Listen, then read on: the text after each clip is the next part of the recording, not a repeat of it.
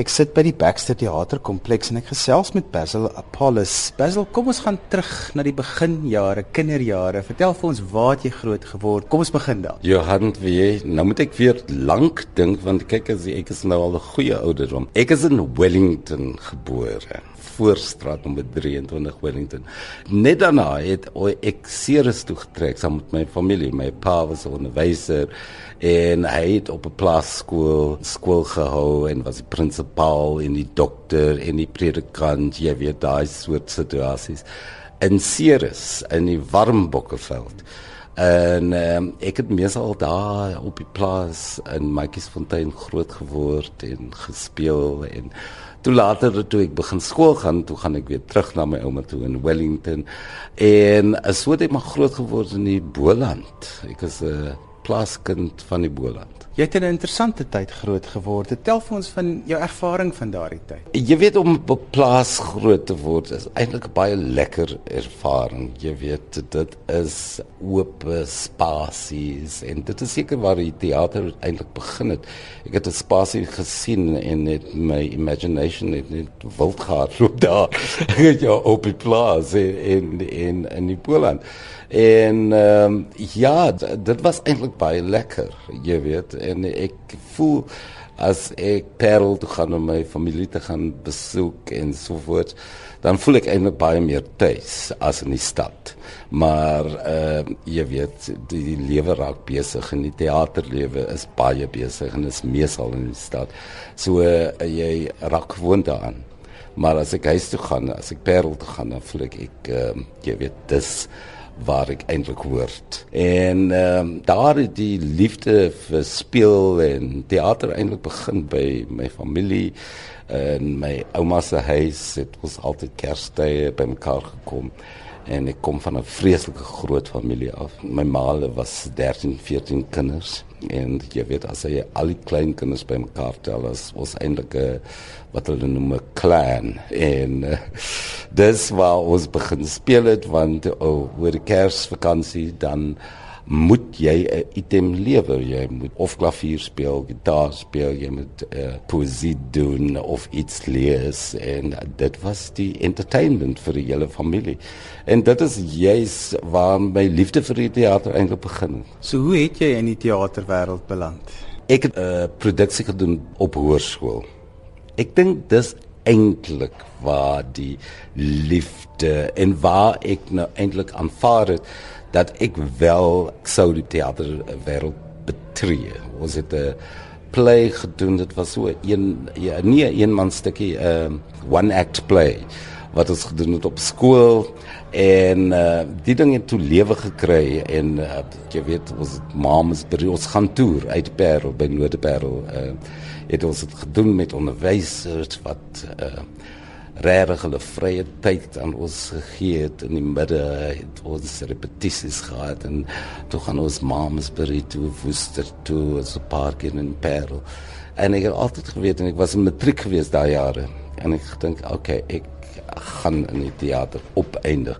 Maar op daai stadium het ek gedink aan 'n amateur geselskap of iets soos dit. Maar ehm um, na 'n jaar by die Universiteit van Wes-Kaapland het ek besluit nee, okay. Ek moet maar na drama uh, skool toe gaan. En uh, ja, dit is eintlik te danke aan my pa want toe ek sê ek wil nou teater doen, toe sê my pa nou waar gaan jy studeer?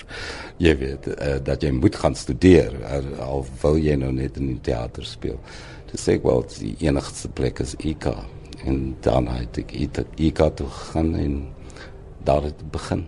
Basil en toe die deurbraak, waar het dit gekom? Jene uh, Johan, daar was seker baie deurbrake. Ek moet sê ek was baie gelukkig geweest in my um, hele professionele lewe was ek baie gelukkig.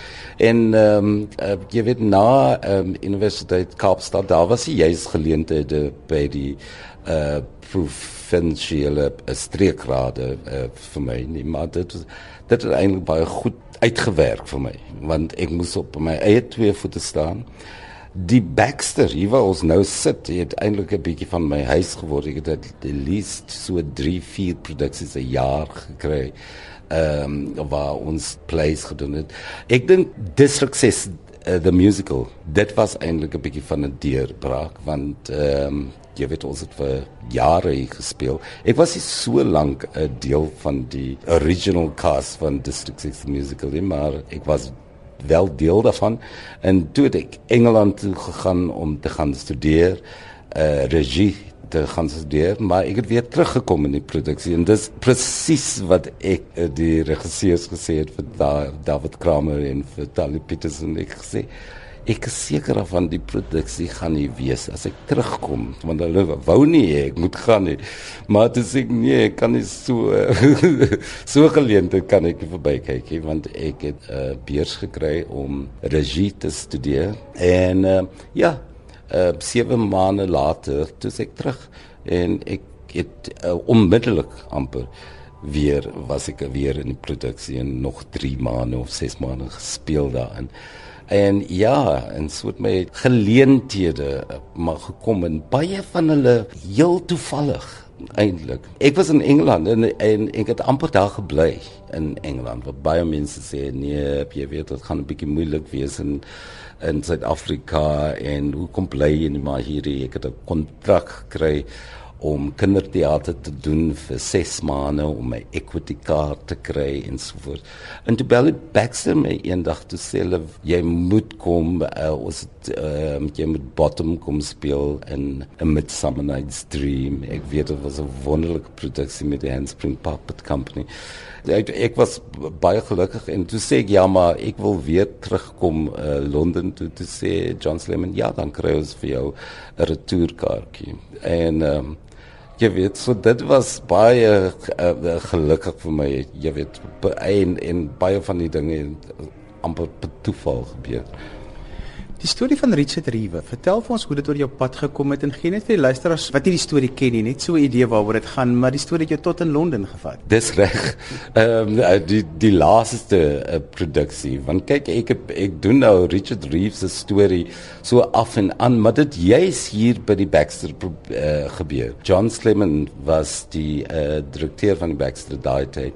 En toe vra hy vir my om die Richard te speel in 'n produksie van Buckingham Palace wat hulle hier gaan doen. En dit open, ek sal nooit vergeet dit open toe in Junie en dit was 1989. En um, ek sê te hom, ja, maar dit is nou op die telefoon. En toe ek daai telefoon neersit, toe bel ek my vriend en vra ek wie is Richard Reeve? en baie mense het net vir my gesê, "Wie Basil, jy lyk nogal baie soos hy."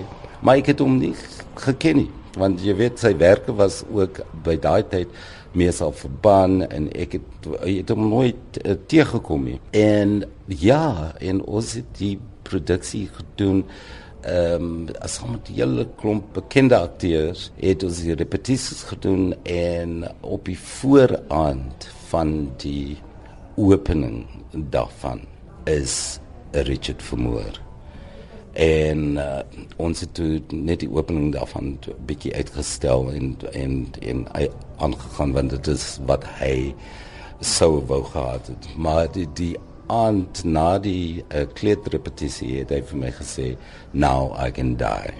En dis jy is daai aand wat uh, Richard vermoor is. En um, ek het toe uh, heel partyprojekte daarna weer gedoen met uh, Universiteit van Kaapstad want dit was 'n voorgeskrewe boek. En dan die laaste uh, verlede jaar of voorverlede jaar het ek dit weer opgetel want ehm um, Sean Viljoen het die biografie van uh, Richard gedoen.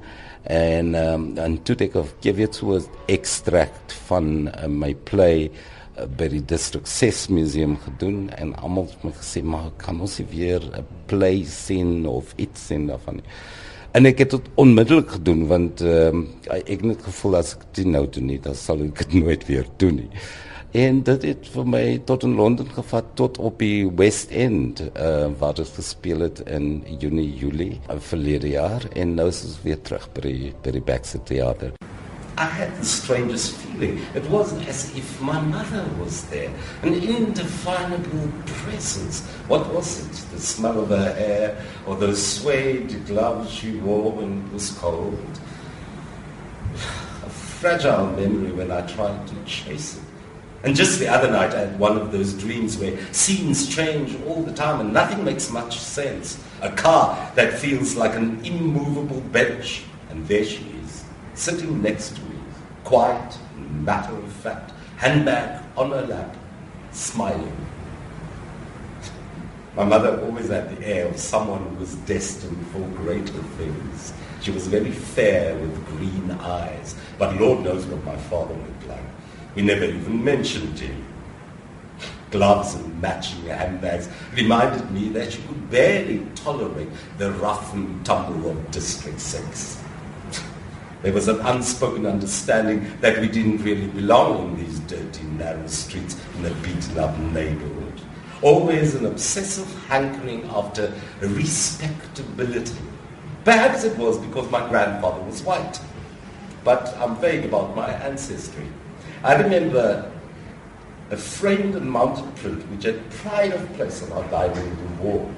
It showed a man I later learned was my grandfather. He sported a cheese cutter and droopy Dr. Crippen moustache and stood next to a racehorse he owned which had won the Metropolitan Handicap. He was unmistakably white. Blacks at the time did not own horses that won races. Once Mantilini said that my father was an American Negro who came here on a ship. But after such unexpected announcements, she had a way of adding, my lips are sealed. Antonini's lips might have been sealed, but everyone in the district spoke about the Ree family, who were almost white, and their youngest son, Richard, was pitch black and nicknamed Chokka. Maar dit is 'n wonderlike storie.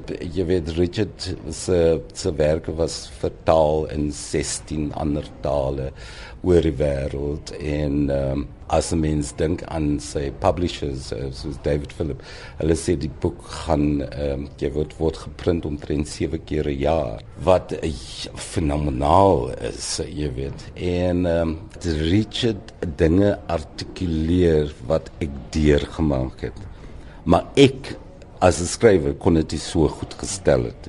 En dit is die aantrekkingskrag en ek dink jy vereenselwig ehm um, uh, met die artikulasie eintlik daarvan en dink jy my en ek het net so gevoel jy weet soos Richard hier gevoel het.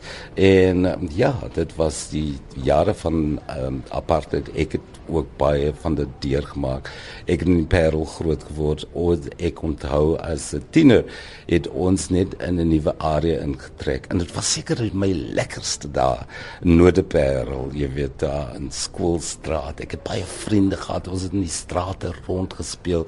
Daar was baie karakters wat almal oor gepraat het en dinge in toe dit was nie lank hier toe met ons trek. Jy weet as 'n tiener jy nie altyd mooi verstaan nie, maar hier 5 uur 6 uur die aand as mense uit die werk uitkom, as sien ons motorkarre met wit mense wat rondry en dit sê almal okay, hulle kom kyk huise want ons gaan nou nie meer hier bly nie, ons moet trek en hier kom nou ander mense kom nou koop huise en so voort. En jy weet dit is goed wat ek gevoel het maar nooit kon artikuleer hoe ek voel nie. en dan lees jy iets soos en jy lees iemand soos uh, Richard en hy artikuleer dit vir jou en jy weet hy het dit op papier gesit. En dit is waarmee jy uh, jouself uh, vriendself en daarom kan jy jouself inleef in die rol